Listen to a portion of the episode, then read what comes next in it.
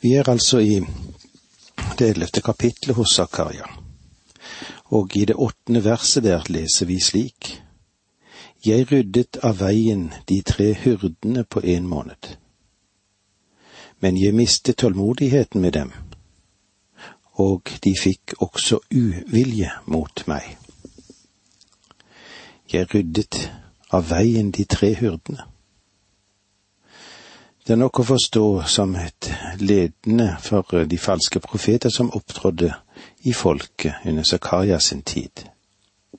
Og i vers ni. Jeg sa, jeg vil ikke gjete dere. De som holder på å dø, får dø. De som går til grunne, får gå til grunne.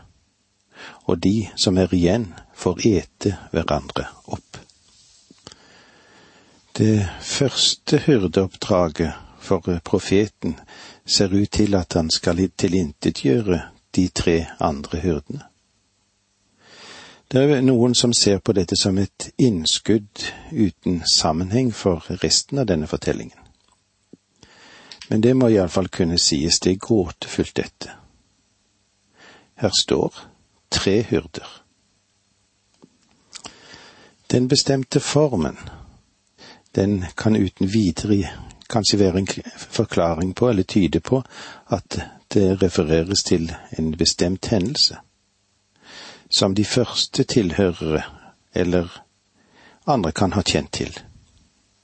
Men nå kjenner vi ikke lenger til det.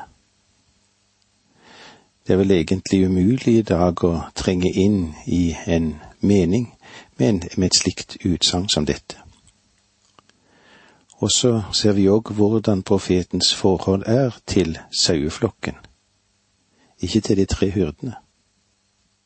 Det viser at Guds forsøk på å styre mislykkes på en måte. Når vi vet med hvilke muligheter og midler de to stavene var, som vi leste om litt tidligere. Gud har prøvd å lede de. Men forstår vi noe av denne tragedien? Forholdet mellom saueflokken og hyrden, det har gått i stykker. Da er det egentlig forhold til Gud som det er ment her. Hyrden reagerer med å overgi saueflokken til døden og til den indre strid. Jeg ryddet av veien de tre hyrdene på en måned, men jeg mistet tålmodigheten med dem, og de fikk også uvilje mot meg. Jeg sa jeg vil gjete dere, de som holder på å dø, får dø, og de som går til grunne, får gå til grunne, og de som er igjen, får ete hverandre opp. Jeg tror at han fremdeles taler om de falske profetene, og han taler mot den offerpraksis folk hadde i forholdet til Herren. Malaki, profeten, han forteller oss at mange mennesker var på den tiden svært så påholdne. De var mennesker som ikke unnet Herren det de gjennom pakten hadde inngått i sin avtale om dette med han. De likte ikke å ofre et dyr for Herren. Så hvis en mann hadde en gammel syk ku, så ba han sønnene sine om å drive dette dyret opp til tempelet til alteret, og få denne kua drept som en offergave før den døde en naturlig død. Og deretter lot de som om de hadde gitt Herren en av sine førstepremiekuer. Malakis profetier fokuserer på denne formen for falsk tilbedelse, og for den offerpraksis som hersket i folket. Selvfølgelig så vil ikke Gud akseptere et slikt offer. De som holder på å dø, får dø. Det vil si, prøv ikke å dekke over den simple offerpraksis dere har. Han kaller de tilbake til ærlighet og sannhet i sitt forhold til Gud. Vers ti. Så tok jeg min stav godvilje og brøt den av. Jeg vil oppheve den pakt som jeg hadde sluttet med alle folkeslag. Så tok jeg min stav godvilje og brøt den av. Husk nå på at godvilje, det betyr nåde eller barmhjertighet. Og Zakaria sier at han bryter denne staven i stykker. Og det er et uttrykk for Guds nåde vil bli trukket tilbake. Du skjønner at da Gud førte sitt folk inn i løftets land, så lovet han å velsigne dem og beskytte dem fra deres fiender. Gud stelte med en rest som var vendt tilbake. Og i kapittel ti, vers seks, sa Gud det slik. Jeg vil gjøre judaætten sterk, og Josefs ett gir jeg seier. Jeg lar dem bosette seg igjen, for jeg er barmhjertig mot dem. Gud ville gjøre dette for dem, ikke fordi de var verd det, men fordi de ville lyde. Men de var ulydige, og Gud stelte med dem i barmhjertighet. Men det kom til et punkt da hans barmhjertighet var slutt og da ville han løse seg fra pakten. Han ville ikke lenger handle med dem i nåde. Han ville ikke lenger være miskunnelig mot dem. Jeg vil oppheve den pakt som jeg hadde sluttet med alle folkeslag. Hva mener Gud når han sier at han vil oppheve den pakt som han hadde sluttet med alle folkeslag? har han ikke gjentatte ganger sagt at han ikke vil bryte pakten. Vi må forstå at det er forskjell mellom en ubetinget og en betinget pakt. Gud bryter aldri en ubetinget pakt. Det vil si en pakt som det ikke knyttet betingelser til. Men en betinget pakt er avhengig av det gjensvar som gis fra mennesket til sin side. Denne pakten, som det henviser til i dette verset, var betinget. Guds lovede beskyttelse av Israel mot alle fiender, den var avhengig av Israels lydighet mot ham. Når de var ulydige mot ham, så fylte han premissen i paktene ved å dra tilbake sin beskyttelse. Det er slik vi må forstå dette, at Gud brøt pakten. Vi har eksempler på dette også i Det nye testamentet. For eksempel Guds løfte, som det står i Johannes 14, 14.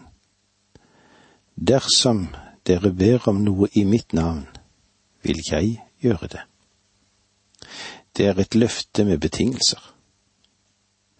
Men merk deg at selve betingelsen ligger ikke i det fjortende verset, men i det femtende verset, hvor det står Dersom dere elsker meg, holder dere mine bud. Denne betingelse, denne forutsetning, kan ikke løsrives ifra vers 14. Vi må alle være klar over at lydighet mot ham er tegnet på vår kjærlighet til ham. Og dette løftet er gitt dem som elsker ham. Vers 11 kapittel 11 i Zakaria. Og den ble hevet over dagen. Sauehandelen som voktet på meg, skjønte da at dette var Herrens ord. Den gamle oversettelse har eh, en vesentlig annerledes ordlyd enn den oversettelsen av 78. Og den lyder slik, og jeg heller til at denne er mer i samsvar med helheten og teksten. Og den ble gjort til intet på den dag, og var således skjønte de usleste av fårene, de som aktet på meg, at det var Herrens ord og det henviser til at de av denne rest som var vendt tilbake, som faktisk var lydige mot Gud og trodde Guds ord. Og med dette må vi si takk for nå, må Gud være med deg. Dette undervisningsprogrammet består av to deler. Åge Nevland fortsetter nå med andre del av dagens undervisning. Vi er i profeten Zakaria. Vi er i det ellevte kapitlet, og vi vil se hvordan en gode hyrde er, og hvordan den uduelige hyrde er. Det er et viktig og interessant kapittel vi er innom, og eh, det er nyttig for oss å ta litt tid òg med det som vi finner i Det gamle testamentet og det som Zakaria har å gi oss. I vers elleve leser vi slik. Og den ble hevet den dagen Sauehandlerne som voktet på meg, skjønte da at dette var Herrens ord. Det fundamentale, det primære for oss som er troende, er å tro at Guds ord står fast. De trodde Guds ord. Om du ikke tror at Bibelen er Guds ord, så er du ikke rede til noe som helst vekst i ditt kristne liv. Slik er det. De trodde Guds ord. Spørsmålet om tro på Guds ord må avgjøres før veksten kan sette inn. Du kan kanskje begynne på den skeptiske side og finne visse ting som er vanskelig å tro i Bibelen, det er så. Slik har kanskje mange begynt. Men nå er jeg iallfall kommet til det punktet at jeg ikke bare tror at Bibelen er Guds ord. Jeg vet at den er Guds ord. Og når jeg skal forsøke å legge frem noe i en tale eller hva det måtte være, så er det ikke for å være et forsvar for Guds ord, for det forsvarer seg selv. Jeg er klar over at slik forkynnelses, det trengs jo og forsvare Guds ord. Og så er jeg glad for alle de som står på den siden av at de vil forkynne at Guds ord er sannhet. Og det trengs både for unge og gamle, men kanskje spesielt den yngre generasjon. De trenger å få noe som de kan forsvare troen og ordet med. Men personlig så synes jeg det er litt vanskelig. Derfor synes jeg det er godt at vi har noen som gjør denne oppgaven. Og eh, da er Bibelen sann for oss. Jeg kjenner det slik at nå er min oppgave å dele Guds ord med hverandre. En gammel predikant han brukte følgende illustrasjon en gang. Om du hadde en løve i bur i hagen din, da ville de ikke ansette en vaktmann for å stå ved døren inne i buret, for å beskytte løven fra katten i nabolaget. Alt det du trengte å gjøre da, det var å åpne døren til buret, og så ville løven makte å forsvare seg sjøl. Det er ingen dårlig illustrasjon, dette. Men eh, jeg prøver å følge det i min tjeneste òg. Jeg prøver bare å åpne døren. Jeg prøver å åpne døren der Guds ord kan formidles, og så la det få lov til å bevise seg selv. Det har større forsvarskraft enn det mange vil tro. Jeg behøver ikke forsøke å beskytte det mot katter i nabolaget. Jeg bare formidler Guds ord som det er. Zakaria sier at de usleste av fårene, resten av resten, trodde at dette var Guds ord.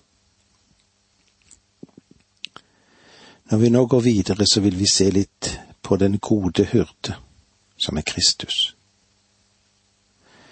Frem fra deres slekter ville det komme en som skulle være deres Messias. Og flertallet i folket ville fornekte ham. Bare en ganske liten rest ville ta imot ham når han kom.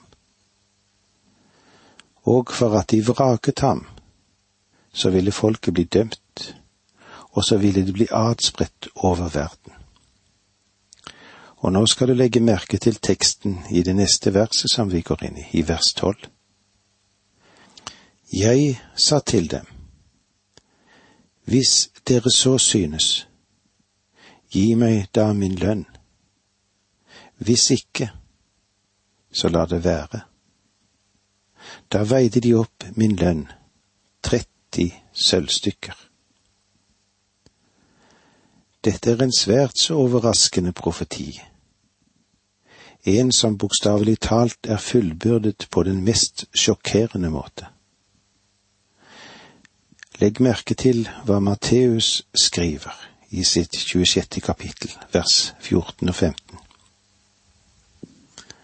Men en av de tolv, han som heter Judas Iskariot, gikk da til overpresten og sa, Hva vil dere gi meg for å utlevere ham til dere?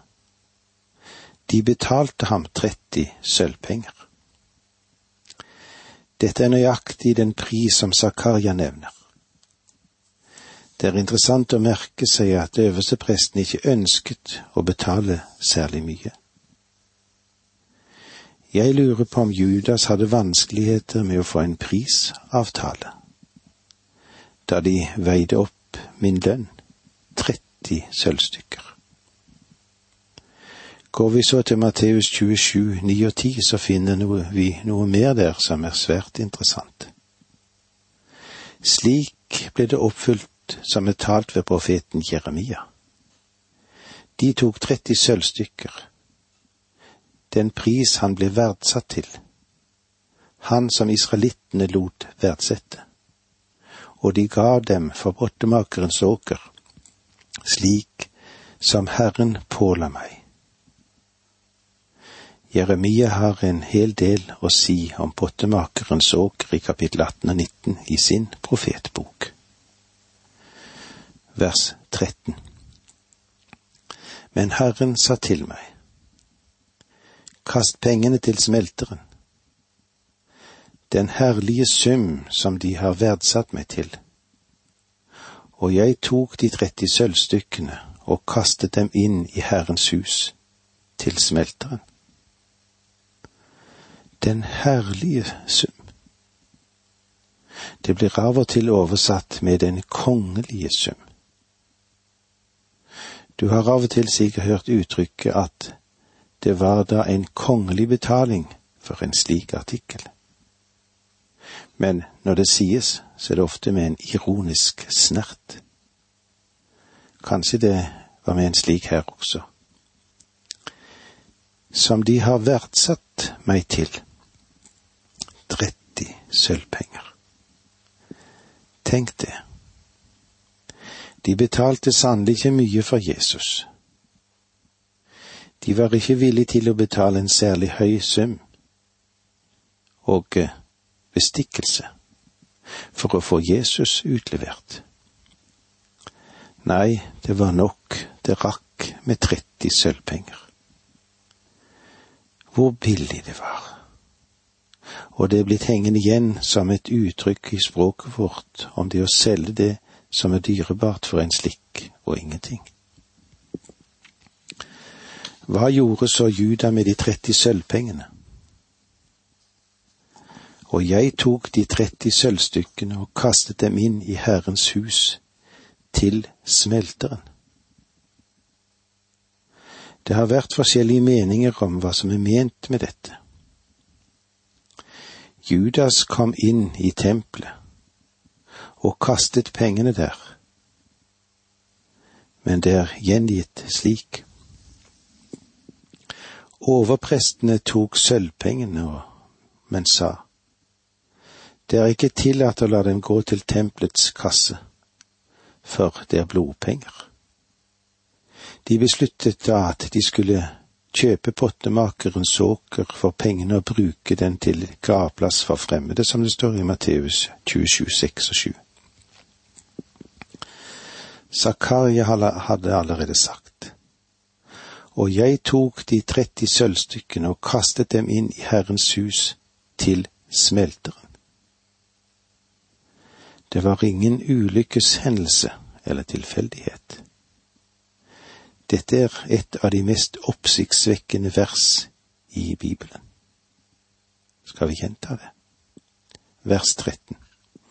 Men Herren sa til meg, kast pengene til smelteren, den herlige sum som de har verdsatt meg til.